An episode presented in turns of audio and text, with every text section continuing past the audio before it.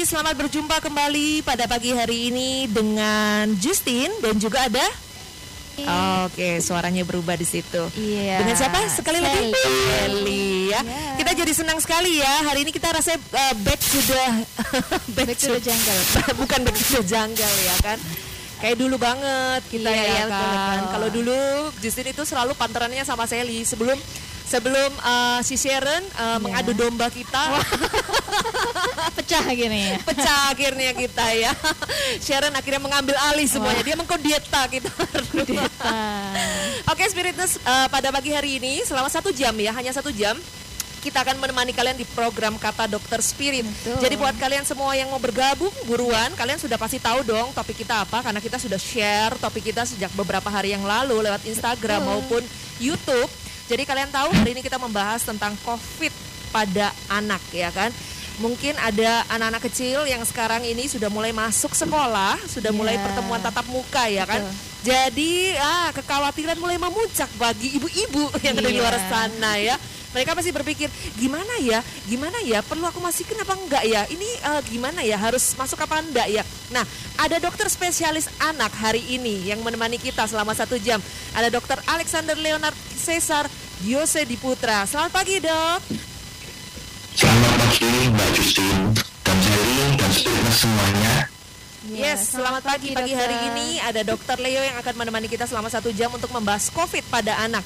Dan kita berharap ya semua pembahasan kita ini pasti membuat ibu-ibu yang di luar sana yang pertama tegang-tegang, nah Iya. jadi tenang. Bukan Betul. tegang tapi tenang. Tenang. Karena waktunya sudah cukup mepet ya. Tadi sempet, eh, kita ada sedikit trouble ya. Jadi Spiritus kita akan langsung aja masuk di dalam materi kita pada pagi hari ini di program Kata Dokter Spirit di dengan tema COVID-19 pada anak. Silakan Dokter Leo. Ya, ini saya sesi lagi Mbak ya. Iya, Iya, boleh. Silakan share screen, Dok.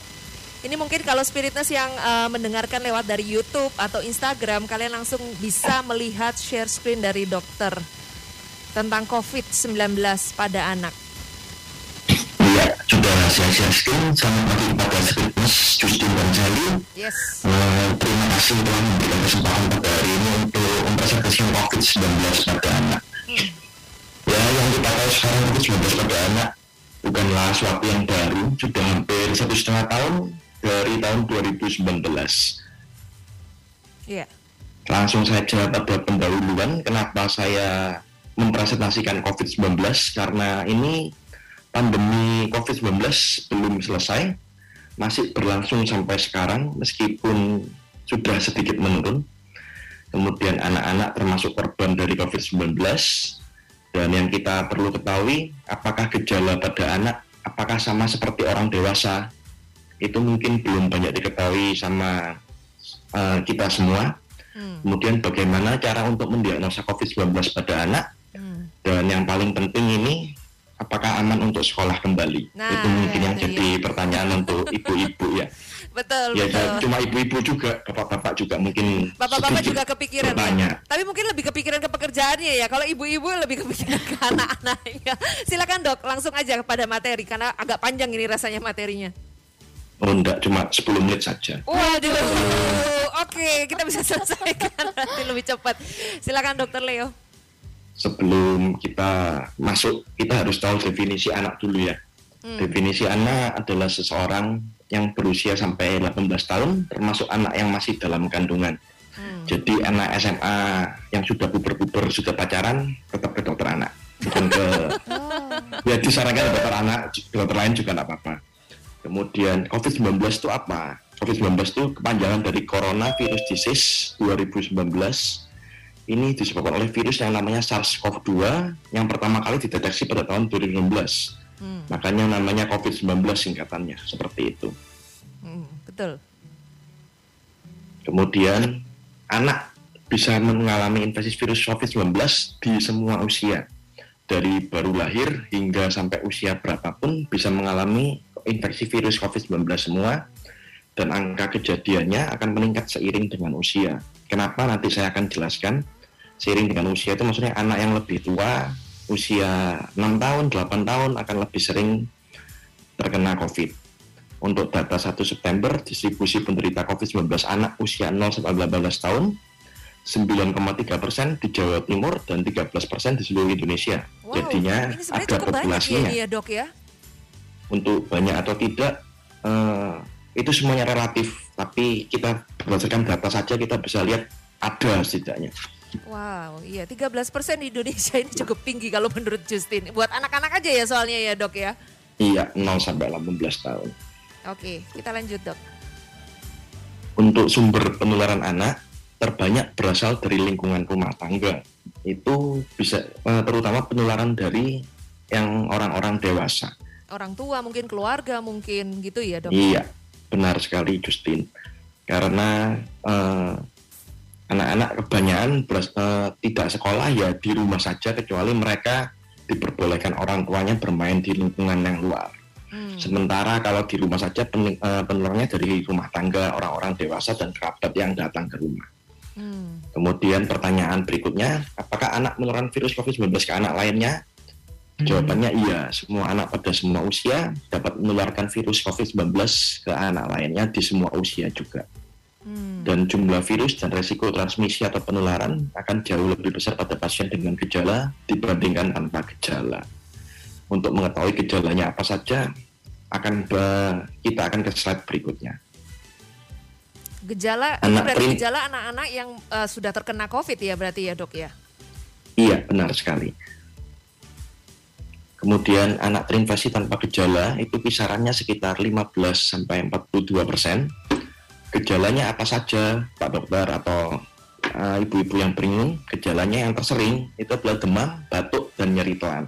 Itu tiga gejala tersering, Hmm. tetapi tidak menutup kemungkinan uh, juara berikutnya adalah saluran pencernaan sekitar 23 persen yaitu saluran pencernaan meliputi diare atau mencret kita biasanya dilihat diikuti muntah dan nyeri perut kemudian tidak menutup kemungkinan untuk penyakit lainnya seperti lesi pada kulit seperti ruam-ruam kemerahan kelainan sistem saraf, ginjal, jantung, dan pembuluh darah Hmm. Oke. Kemudian untuk diagnosa pasti, diagnosa itu kita memiliki beberapa cara, tetapi diagnosa pastinya adalah swab hidung dan tenggorokan.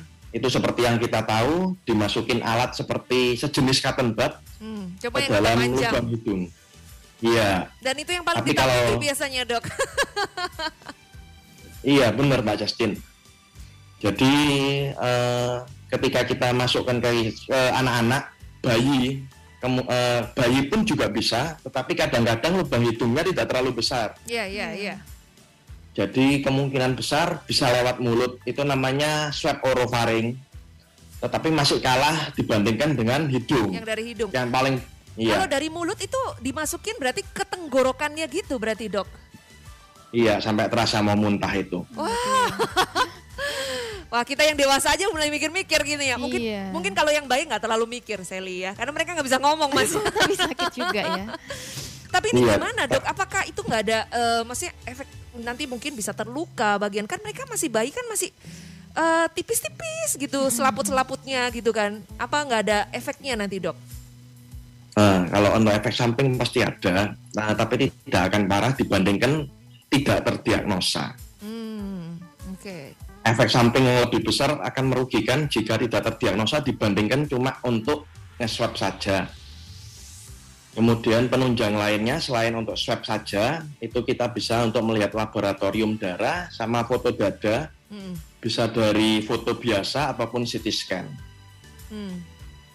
Kemudian deteksi dini eh, dari orang tua penting untuk memeriksakan anaknya apabila ada kecurigaan infeksi atau orang di rumah tangga yang terinfeksi. Hmm, Semakin cepat penting memang. terdeteksi, semakin bagus iya. Apabila tidak bergejala atau gejala ringan, dapat melakukan isolasi mandiri dengan syarat. Syarat-syaratnya ya mungkin bisa ditanyakan nanti, tidak saya jelaskan di sini. Benar-benar. Kita perlu tahu syarat-syaratnya juga ya soalnya ya. Iya. Kemudian untuk vaksinasi COVID-19 pada anak diberikan pada usia 12 sampai 17 tahun.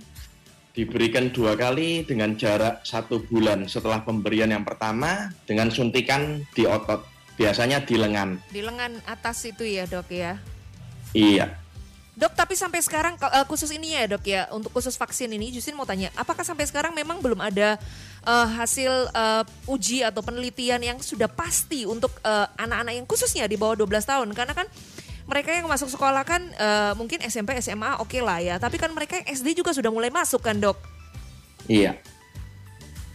Uh, untuk di bawah 12 tahun kita masih menunggu keputusan dari pemerintah daerah untuk mengkaji untuk pemberian vaksinasi di bawah 12 tahun tersebut. Sementara masih lagi dikerjakan.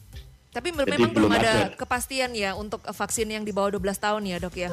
Belum. Kalau ada kepastian nanti Ikatan Dokter Anak Indonesia pasti akan mengumumkan segera. Hmm, soalnya kan kalau Justin dengar-dengar itu uh, ada beberapa vaksin yang dari Amerika juga itu kan sudah memperbolehkan untuk anak di atas lima tahun untuk divaksin gitu kan. Nah itu iya. kan uh, sekarang-sekarang ini ya jadi perguncingan di mama-mama atau ibu-ibu pada umumnya. Anak saya sudah bisa divaksin loh ya.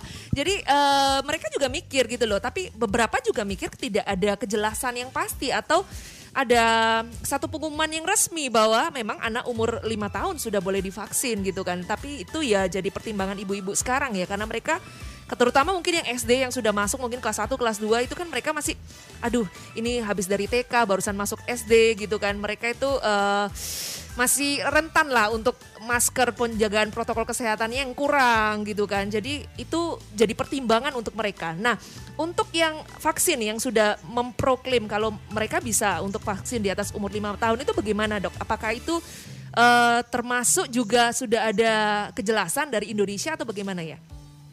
Nah, sementara masih belum. Jadi uh, kita menunggu kabar dari Ikatan Dokter Anak Indonesia untuk keputusan tersebut. Tetap kita masih menunggu ya dok ya. Oke, iya. Spiritness uh, kita akan lanjutkan setelah satu pujian berikut ini. Jadi mungkin Spiritness ada yang mau bertanya yeah. ya um, pada mami-mami di luar Waduh. sana. Kalau bapak-bapaknya mungkin jam sekarang lagi kerja ya, yeah. Sally. Karena mereka khususnya ya. Mereka jar uh, sekarang juga sudah mulai masuk ya kan kerjanya yeah. jarang. Sudah beberapa yang WFH itu sudah mulai jarang, jarang. ya, sudah masuk kerja semuanya. Jadi mungkin kalau kalian yang mau bertanya Silakan ini adalah waktunya untuk kalian bertanya. Iya, bisa lewat WA ataupun Zoom ya. Spiritness bisa langsung join Zoom dan yang lebih praktis lagi langsung aja download Spirit online ya. Langsung sekali klik langsung bisa join di WA yes, atau di Zoom. Betul sekali. Dan juga bisa live chat kita di YouTube Spirit dan juga DM kita di Instagram. Dan jangan lupa ya formatnya nama spasi umur spasi L atau P. Yes, kita nungguin kalian sampai nanti jam 8.30. Jadi buruan Tuh. karena waktunya Mepet sudah banget. tidak banyak lagi. Iya. Spiritus ini dia satu pujian buat kalian semua.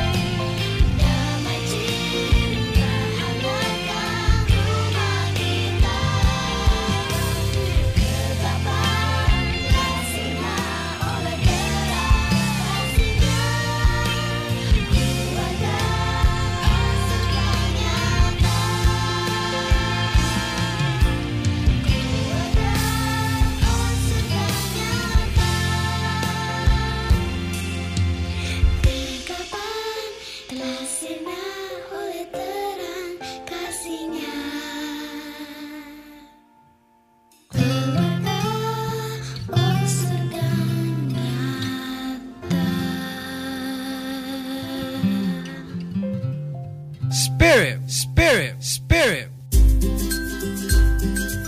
Spirit Nurse kembali lagi di program Kados bersama Dr. Alexander Leonard Kaisar.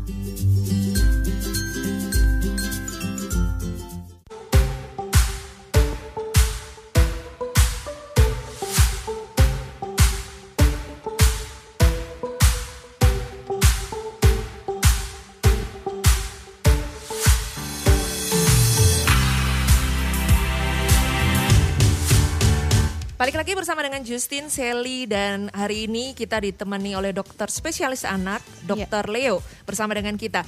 Eh, waktu kurang lebih setengah jam. Jadi Iya, Spiritas buat kalian yang mau bergabung buruan dan kalian bisa bertanya ya lewat Zoom boleh, lewat WhatsApp boleh, Boleh. lewat YouTube boleh. Instagram juga boleh. Boleh ya kan. Ini mungkin ada beberapa orang yang ingin bertanya. Silakan Ya. kalian punya waktu ya kurang lebih 20 menit lah. 20 menit. Sebelum nanti dokternya juga akan menyampaikan satu kesimpulan ya kan. Kita akan masuk mungkin ini ada yang sudah bergabung apa mungkin Ada yang mau bertanya? iya mau bertanya? Ya. Bisa raise hand dulu. Karena ada beberapa orang ya yang seperti ini. Iya benar. Cuman yang terakhir ini saya kurang tahu ini. Eh, apakah ini eh, yang Immanuel ini dokter kenal nggak dok ya? Iya kenal kenal. Oh, Oh, iya. ya oke kalau gitu. Oke, berarti ini kawan-kawan dari Dokter Leo ya. Karena ada kawan-kawan Dokter Leo bergabung di Zoom kita banyak sekali. jadi kita, kita senang sekali juga sih. Tapi eh, karena eh, nggak bisa di unmute ya, jadi kita bingung juga. Mereka Iya. cuma diam mendengarkan kita. Silakan dok, saja. kita akan lanjut eh, untuk eh, materi yang berikutnya tentang Iya. anak-anak. Kalau mereka sudah terkena eh, terkena COVID, terus ada gejalanya ya kan. Terus ada momen-momennya kapan kita harus bertindak, Dok. Ini kan biasanya kadang kita mikir ya. Terus kalau kena sudah di swab dan sudah keluar hasil positif, terus kita ngapain dong? gitu kan bingung ya biasanya ya. Silakan Dokter Aleo. Iya. Ya, terima kasih Justin. Saya akan melanjutkan kembali untuk kapan segera anak dibawa ke rumah sakit. Itu eh, yang paling penting jika anak banyak tidur atau kelihatan kurang aktif, kemudian itu tanda-tanda anak sudah mulai segera dibawa ke rumah sakit. Napas cepat, tidak cepat seperti biasanya, ada cekungan di dada sama hidungnya kembang kempis. Itu tanda-tanda sesak. Kemudian kalau punya alat saturasi, dipasangkan di ibu jari jempol, Hmm, jika saturasi oksigennya kurang dari 95.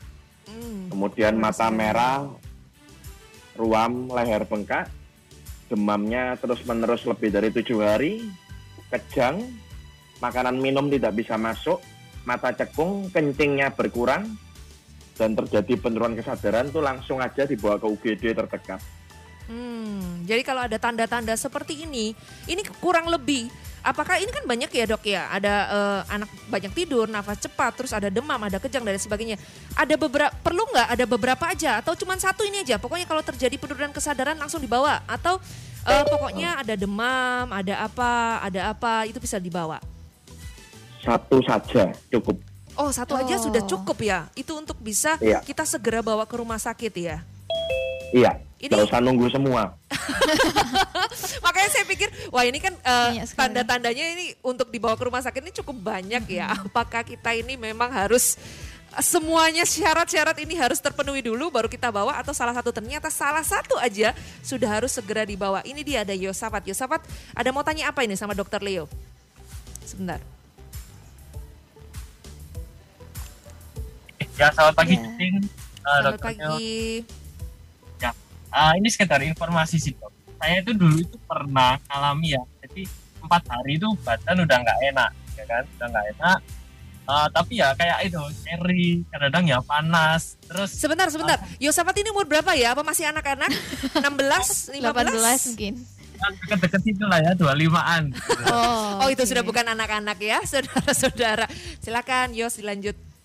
Ah, jadi setelah empat hari itu kan merasa nggak enak, kok nyeri. Tiba-tiba apa namanya juga nggak bisa merasa waktu makan.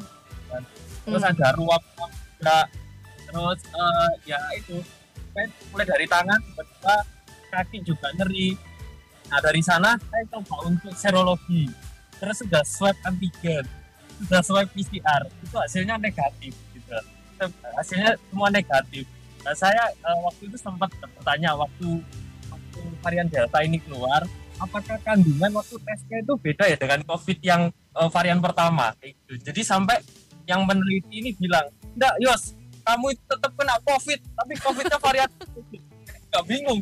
Itu sudah biasa keluar itu. Sebentar, Apakah- sebentar, sebentar Yos. Berarti Yos ini sudah mengecek serologi sudah, antigen berarti ya. Terus swab PCR juga sudah, yang lain-lainnya juga sudah. Tetap semuanya hasilnya negatif. Hasilnya negatif. Jadi saya pun bingung. Ini saya jadi cuma tak minum vitamin karena bingung obatnya apa gitu loh. Jadi kan akhirnya sudah satu minggu lebih pulih-pulih sendiri, pelan-pelan pulih-pulih sendiri dari rasa akhirnya kembali lagi kayak gitu sih. Dok. Hmm. Ya, jadi mau tanya kira-kira eh, kandungannya apakah waktu tes itu berbeda ya dengan varian delta sekarang hmm. sama yang varian pertama? Kayak gitu. Hmm. Oke, itu aja pertanyaannya Yos. Yos, itu aja pertanyaannya. Oke, oke, Iya, kalau gitu. berarti. Terima kasih. Ya, Thank you, thank you. Yos. Tuhan berkati ya, hati-hati di jalan ya. Ya. Oke, mungkin bisa langsung dijawab sama Dokter Leo eh, pertanyaan dari Yos. Dia merasa bahwa eh, dia ada gejala-gejala yang yang sudah pasti memprediksi itu ke COVID gitu kan. Iya. Tapi ternyata dia mencoba semua tes, itu semua hasilnya negatif. Itu seperti apa itu, Dok? Oh iya, terima kasih sebelumnya kepada Mas Yos yang sudah bertanya. Eh, saya eh, izin untuk menjawab sebagai dokter anak. Hmm. Saya harus permisi ke ilmu penyakit dalam dulu ini ya. Karena penya- u- usianya sudah 25 tahun. Mungkin untuk bagian ilmu penyakit dalam punya jawaban tersendiri. Tapi kalau saya salah sebagai dokter anak, saya mohon maaf. Jadi sebelumnya, kenapa eh, pemeriksaannya bisa negatif? Jadi tiap pemeriksaan itu yang diciptakan oleh manusia dan untuk manusia itu masing-masing mempunyai sensitivitas dan spesificitas.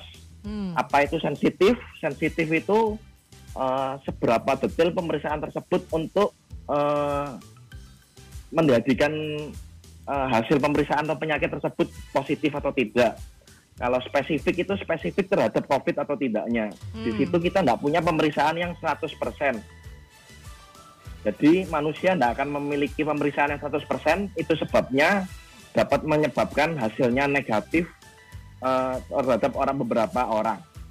Hmm. Tetapi cukup dengan gejala klinis saja, eh, kalau memang sudah ada kontak erat dan ada gejala-gejala tersebut, kita bisa eh, menduga sebagai COVID, tidak masalah. Lebih baik aman untuk isolasi Betul. mandiri atau karantina dibandingkan untuk tidak. Betul, betul, betul. Saya juga setuju dengan Dokter Leo. Tapi mungkin eh, Yos waktu waktu setelah selesai di tes tes tes terus hasilnya negatif negatif, eh, saya kok ragu ya dia mengisolasi diri. Karena kan orang kebanyakan ya dok ya orang akan berpikir secara tes. Iya, Hasil betul. tesnya apa? Dan dia sudah berkali-kali nih tesnya bukan cuma sekali dua kali. Ternyata dia sudah mencoba hampir semua tes dan ternyata negatif. Dan kemungkinan untuk seperti yang Dokter Leo sampaikan tetap harus isolasi mandiri itu jauh lebih baik ya dok karena kita menjaga untuk keamanan kita sendiri dan juga untuk orang-orang di sekeliling kita ya dok ya Iya, kalaupun memang terpaksa sekali tidak bisa ya gunakan prevensi untuk jaga jarak, cuci tangan dan memakai masker. Kalau bisa maskernya double. Nah itu Nah, dia. tuh. tapi itu karena sudah terjadi ya Yos ya. Ini mungkin bisa jadi suatu pengalaman untuk semua spiritness di luar sana. Ada yang punya kejadian seperti Yos tadi di mana dia punya gejala yang menandakan sepertinya itu COVID tetapi hasilnya ternyata negatif. Kalau menurut dokter Leo lebih baik kalian menjaga diri kalian sendiri dengan tetap taat prokes kalau bisa mengisolasi mandiri ya kan? Dan kalau bisa ya semua obat-obatan apakah obat-obatan COVID kita perlu minum? Karena tadi Yos sempat bingung loh dok saya harus minum obat apa karena saya COVID pun tidak di, tidak didiagnosa COVID ya kan tapi gejala saya seperti COVID gitu kan itu obat-obatannya gimana dok? Oh, enggak perlu eh, kalau belum sampai terdiagnosa eh, dengan gejala ringan atau tanpa gejala seperti itu pun eh, cuma suplemen aja vitamin enggak masalah seperti vitamin C, D Hmm. ataupun zinc, tapi yang lain obat-obatan khusus seperti antivirus enggak perlu. Oh oke suplemen dan vitamin berarti yang dilakukan Yos sudah benar. Hmm. Terima kasih Dokter Leo sudah menjawab pertanyaan dari Yos. Kita lanjut lagi dengan materinya ya dok ya. Kalau tadi kita tahu bahwa ada tanda-tanda atau gejala yang mengharuskan kita sebagai orang tua membawa anak kita ke rumah sakit secepatnya. Seperti eh, kalau anak sudah mulai banyak tidur, nafasnya mulai cepat, terus habis itu mulai sesak, ya kan saturasi oksigen mulai turun, B eh, pipisnya berkurang ya kan terus terjadi penurunan kesadaran dan lain-lain sebagainya. Nah, kalau ini terjadi dengan ibu yang mungkin lagi hamil atau bayi yang baru lahir, itu kita kan agak susah untuk bisa memprediksi ya dok ya. Itu seperti apa dok? Uh, kalau misalnya uh, masih bingung untuk bawa atau tidak, lebih baik dibawa saja daripada enggak. Hmm. Oke. Okay. Lebih baik dibawa aja daripada enggak ya. Lebih baik kita sudah ketahuan duluan daripada nanti iya. terlambat malahan ya. Oke, kita lanjut dok materinya dok. Ini bayi lahir dengan ibu yang mungkin terbukti COVID-19. Ya, ini saya share screen lagi berarti ya. ya. Silakan dok, bisa di share screen.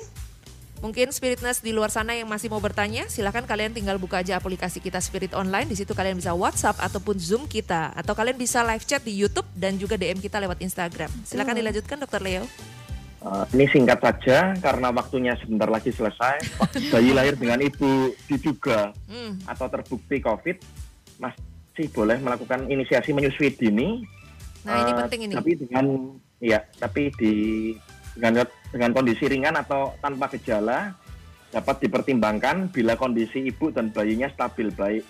Hmm. Itu dengan syaratnya ibu harus menggunakan APD alat per, uh, perlindungan dirinya minimalnya masker Oh, Jusin dalam pikiran Jusin sudah mulai menggunakan APD. Kalau APD kan berarti baju yang full dari atas sampai bawah itu. Ya. Minimal masker saja. Minimal masker saja. Oke oke. Lanjut dok. Iya. Kemudian cuci tangan sebelum dan sesudah menyentuh bayi. Kemudian etika batuknya harus baik. Hmm. Jangan langsung di depan bayinya ya. Meskipun pakai masker. Iya iya dok. Kemudian untuk pembukaan sekolah ini menurut keputusan Agustus 2021 dari IDRE atau Ikatan Dokter Anak Indonesia hmm. dapat dibuka bertahap hmm. dengan beberapa persyaratan itu syarat sekolah kemudian syarat anak eh, hmm. uh, kemudian evaluasi tetap harus untuk tracing atau perlacakan dan ya, testing betul. testing itu tes berkala ya untuk COVID-nya evaluasi mingguan itu termasuk tracing dan testing hmm. orang tua di sini saya garis bawahi bebas memutuskan tidak wajib Terus harus ada kejujuran bila sakit dan ada pemeran pemerintah daerah untuk fasilitasi tersebut. Syaratnya untuk anak itu harus usia 12 tahun yang sudah melakukan vaksin COVID-19, hmm. Tidak ada komorbid atau faktor penyerta termasuk obesitas. Bila ada dapat dikonsulkan ke dokter. Kemudian anak sudah dapat memahami protokol kesehatan, guru dan petugas sekolahnya sudah mendapatkan vaksin dan anggota keluarga sudah mendapatkan vaksin. Nah, tadi Kemudian, itu sempat uh, ada dokter uh, mengatakan bahwa kalau anak terkena COVID ada syarat-syarat tertentu untuk mereka itu melakukan isolasi mandiri ya kecuali khususnya yeah. yang tanpa gejala karena mungkin mereka ada kontak erat mungkin orang tua yang sempat terkena covid atau mungkin ada keluarga yang terkena covid itu ada syarat-syaratnya nah Dokter Leo tolong nanti membantu untuk menjelaskan setelah satu pujian berikut ini apa syarat-syarat yang yeah. diperlukan untuk isolasi mandiri. Kita akan balik lagi ya Spirit ya, tetap di Spirit.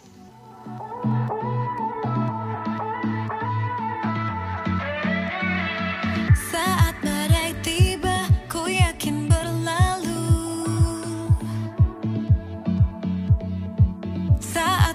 mencoba namun ku terjatuh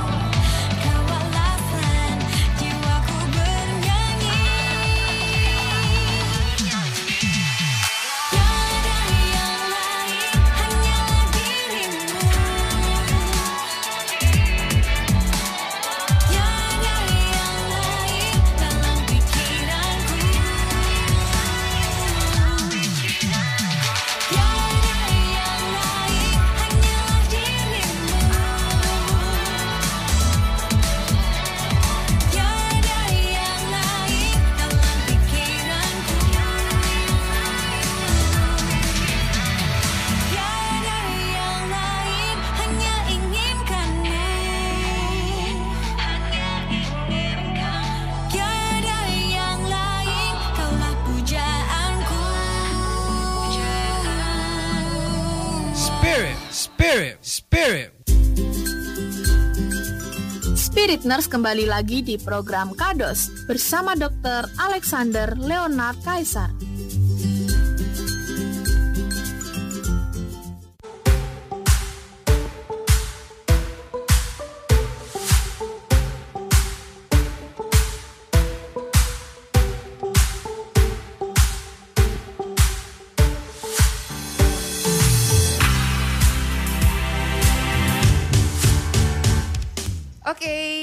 Lagi di program Kata Dokter Spirit bersama Ya. dengan Justin, Sally, dan juga ada Dokter Leo bersama dengan kita. Hari ini kita membi- eh, membicarakan tentang COVID-19 pada anak-anak. Iya. Kalau tadi walaupun yang bergabung Yos umur 25 ya. Coba kita tanya Yeremia Ferdinand ini ya. Yeremia Ferdinand. Umur berapa ya? Umur berapa kamu? Yer, Yeremia, umur berapa? Shalom. Umur berapa kamu? Shalom Yeremia. Shalom Yer.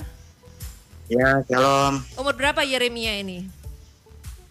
Umur 20, ini BTW udah mau 21 nih bulan Oh. depan. Oh, ini juga bukan anak-anak. Apa yang mau ditanyakan Yeremia sama Dokter Leo? Hari ini banyak yang bergabung bukan anak-anak ternyata. Anak-anak sekolah kali ya. Silakan Yer, mau tanya apa sama Dokter Leo? Tanya sama dokter Leo, ini kan saya juga pengalamannya. Pengalaman saya, oh, ini, saya ini vaksin. Vaksin. Vaksin. vaksin. Nah, kenapa vaksinnya? Saya takutnya nanti mama saya tuh mama itu adik saya tuh rewel.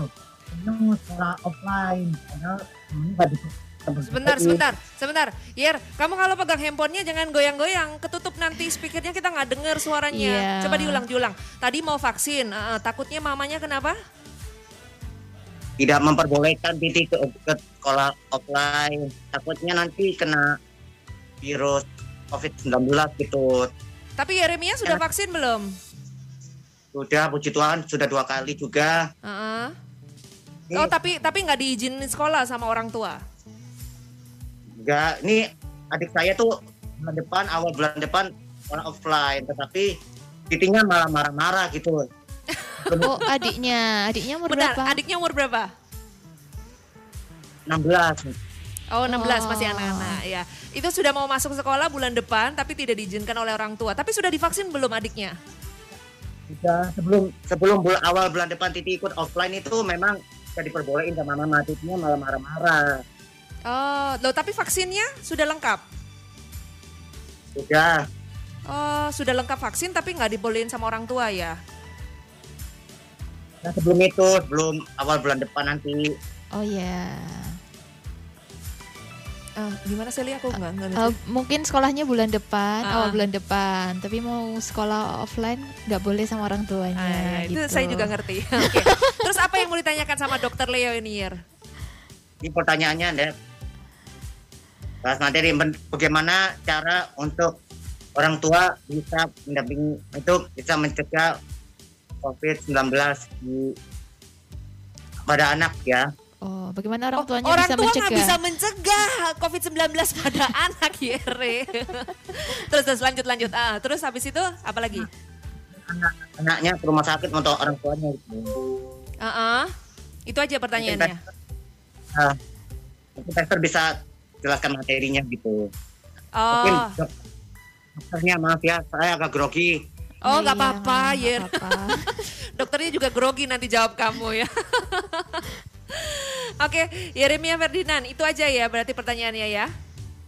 Sampai ketemu Kamis depan ya. Oh ya, Oke, terima thank kasih. you. Tuhan berkati. God bless you. Baik-baik sehat-sehat terlalu ya. Nah, pertanyaannya itu dok, silakan dijawab. Gimana ini? Ada anak yang eh, mau masuk sekolah ya kan? Hmm. Bulan depan, tapi nggak boleh nih sama orang tuanya. Ya, nanti pertanyaan Yeremia saya simpen untuk dipesan yang terakhir. Oh. Eh, karena menjawab semua pertanyaan yang banyak yang ditanyakan sama orang tua sepertinya. Oh, itu dia. Itu pertanyaan semua orang tua. Gimana ini anak saya mau masuk sekolah gitu ya, Yer? Nanti dijawab eh, di terakhir. Dengerin terus ya, Spirit ya, Yer ya. Oke, Tuhan Yesus memberkati. Oke, dok kita lanjut dulu dengan materinya ya. Terakhir tadi kita membicarakan tentang anak-anak yang mereka eh, mau vaksin, divaksin ya kan. Terus sekarang juga mereka kalau mau masuk sekolah harus ada kayak gurunya juga divaksin, semuanya juga harus dijaga. Mungkin bisa dilanjutin dok? Iya, ini saya share untuk materi terakhir sebelum pesan. Mm-mm. Eh, syarat untuk isolasi mandirinya anak-anak, kapan bisa diisolasi mandiri, kapan harus dibawa ke rumah sakit. Ya, Eh, ini syarat isolasi mandiri untuk anaknya itu tidak bergejala atau asimptomatik dan gejalanya ringan. hmm. Tidak seperti gejala yang seperti saya jelaskan sebelumnya. yang harus dibawa ke rumah Kemudian- sakit ya.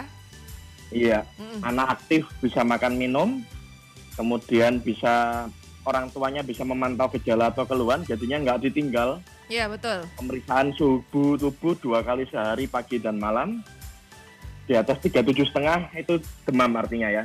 Hmm. Kemudian lingkungan rumah atau kamar memiliki ventilasi yang baik untuk isolasi.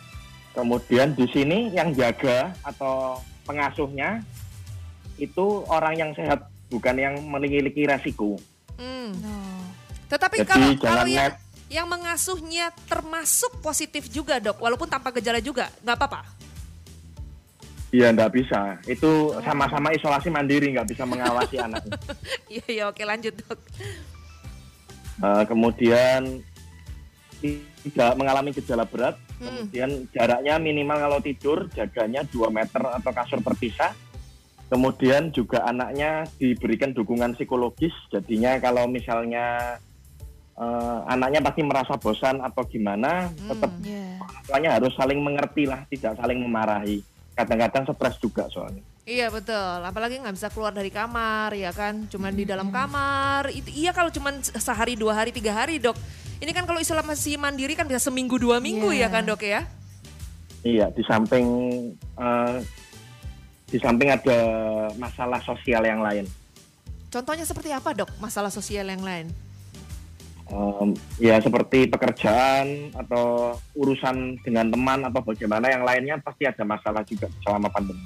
Hmm, jadi itu juga bisa mempengaruhi ya. Jadi kita harus menjaga eh menjaga hati, Jaga hati.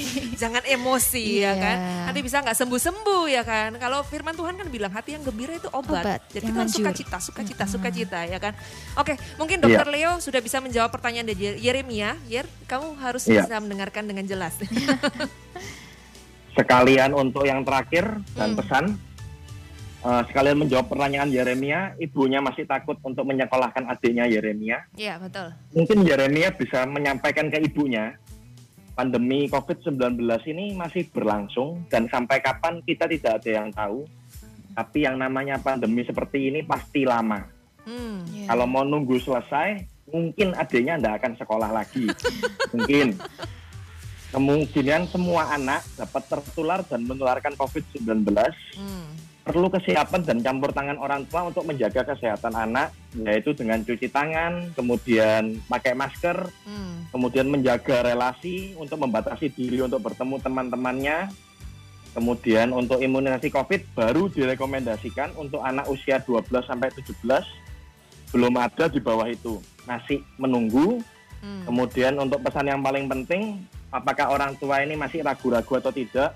Hmm. Semua itu seperti yang saya garis bawahi tadi, orang tua itu bebas memutuskan. Tetapi semua hidup ini adalah pilihan. Jika ad- untuk pilihan semua pilihan yang kita pilih itu pasti ada konsekuensi yang akan terjadi atau akibat yang terjadi Betul. sehingga semuanya tetap eh, di tangan masing-masing. Tetapi jika merasa yakin, ya yakin aja sekolah, nggak masalah. Eh, sekolah akan terus buka dan tutup. Jika kasus meningkat akan ditutup oleh pemerintah daerah setempat. Jika memang pemerintah merasa kasusnya turun juga akan dibuka. Jadi masih pakai sistem buka tutup. Hmm. Dan untuk tracing dan testing itu penting. Tracing itu pelacakan jika ada yang terkena COVID dan tes berkala untuk antigen minimal antigen untuk anak-anak juga penting untuk anak-anak sekolah. Itu saja, tetapi untuk keputusan memang bebas di orang tua. Nah, itu dia. Itu pasti bisa menjawab dari pertanyaan Yeremia tadi. Dan kalau bisa Yer ya, pertanyaan uh, jawaban ini seharusnya kamu dengerin sama orang tua kamu. Jadi kamu sengaja deket-deket gitu ya, dengerin radio Iya, spirit atau sama puterin deket-deket. lagi aja nanti YouTube-nya. Oh benar-benar, YouTube-nya bisa diputar ulang, eh ulang. ulang. YouTube-nya bisa diputar ulang. iya, betul. Jadi mungkin Yeremia ya saat uh, penjelasan dokternya ini kamu deket-deket sama orang tua kamu supaya dia bisa dengerin gitu kan apa yang disampaikan oleh dokter Leo bahwa sebenarnya ya kan kita juga nggak tahu sampai kapan pandemi COVID ini ada gitu kan. Jadi kalau dokter Leo tadi bilang kalau menunggu COVID ini selesai dulu mungkin adik kamu nggak sekolah nanti gitu kan. Apalagi sebenarnya kalau sudah divaksin ya dok ya dia eh, adiknya kan sudah divaksin lengkap juga katanya. Berarti seharusnya risikonya lebih rendah untuk eh, bisa mengadakan pertemuan atau tatap muka di sekolah ini ya benar ya? Sebentar dokternya nggak denger ya? Oh iya, untuk eh, tapi tetap untuk resikonya kalau vaksin memang lebih rendah, tetapi tetap kita nggak bisa mengandalkan itu sebagai syarat Hmm. atau sebagai em, eh, sebagai dasar untuk mengambil keputusan kita sekolah atau enggak. Hmm. Tetap tetap bersumber dari eh, yang paling penting ya pandemi ini kita nggak tahu sampai kapan. Itu mungkin yang paling kuat untuk membuat orang tua berpikir dua kali Yes. karena pandemi ini lama sekali. Ya betul sekali. Ini aja kita sudah mulai jalan dua tahun lebih ya dok ya. Jadi kita memang harus mulai memperhatikan. Jadi mungkin selama ini ya spiritness protokol-protokol kesehatan yang masih kita nganggap enteng ya kan. Kalian mungkin eh, mungkin pakai masker cuma seadanya ya kan. Masih make pakai masker di dagu atau mungkin beberapa yang mulai malas cuci tangan karena juga eh, beberapa saat ini kan agak menurun ya untuk khususnya di Pulau Jawa.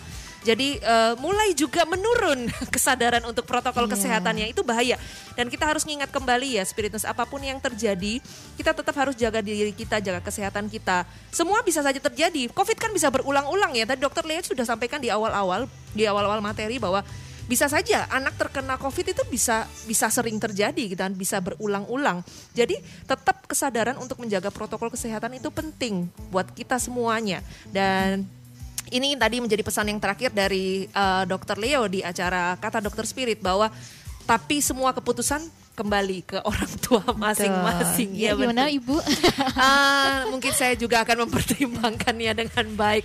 Jadi spiritnya semuanya eh, selama satu jam kita sudah membahas tentang bagaimana COVID pada anak Iya. bersama dengan Dr. Alexander Leonard dan kita berharap semua spiritness yang mendengarkan juga menikmati tidak hanya itu paling tidak mempunyai satu masukan yang berarti supaya kalian bisa memutuskan apa yang terbaik untuk anak-anak kita sendiri ya kan. Selain daripada kita juga harus menjaga kesehatan, tapi kita juga harus mulai memikirkan bagaimana dengan kondisi atau kesehatan anak-anak. Apalagi mereka sudah mulai masuk sekolah, yang menjadi pertanyaan para ibu-ibu saat ini. Dan spiritnya semuanya yang sudah bergabung, tadi ada Yos, ada Yeremia yang juga bertanya untuk adiknya ya. Terima kasih buat kalian yang sudah bergabung Ya, ataupun yang tadi lewat lihat dari YouTube dan lihat dari Instagram. Terima kasih juga buat Dokter Leo hari ini yang sudah menemani kita. Terima kasih ya, Terima Dok. kasih dokter. Dan kawan-kawan Ya, dari terima Dokter. Leo yang eh, tidak bisa kami sebutkan satu persatu yang banyak sekali masuk. Semoga bisa memberkati semua spiritness di mana pun kalian berada. Satu hal yang kita mau sampaikan, kita harus tetap jaga kesehatan kita. Ya. Ja- di luar itu hati yang gembira adalah obat, Obat tadi. yang manjur. Jadi Sally bilang ya, Sally bilang harus tetap sukacita. Iya, bersama spirit ya. Benar. selalu. Spirit 24 jam akan menemani kalian. Jadi kita tetap membawakan sukacita buat kalian. 24 jam Ya. dengarkan Spirit aja terus ya kan. Yang pasti tetap sukacita lewat puji-pujian. Akhir kata, Justin dan Sally bersama dengan Dr. Leo akan mengucapkan keep the spirit, keep the fire and God, God bless bless you. you. Tuhan Yesus memberkati.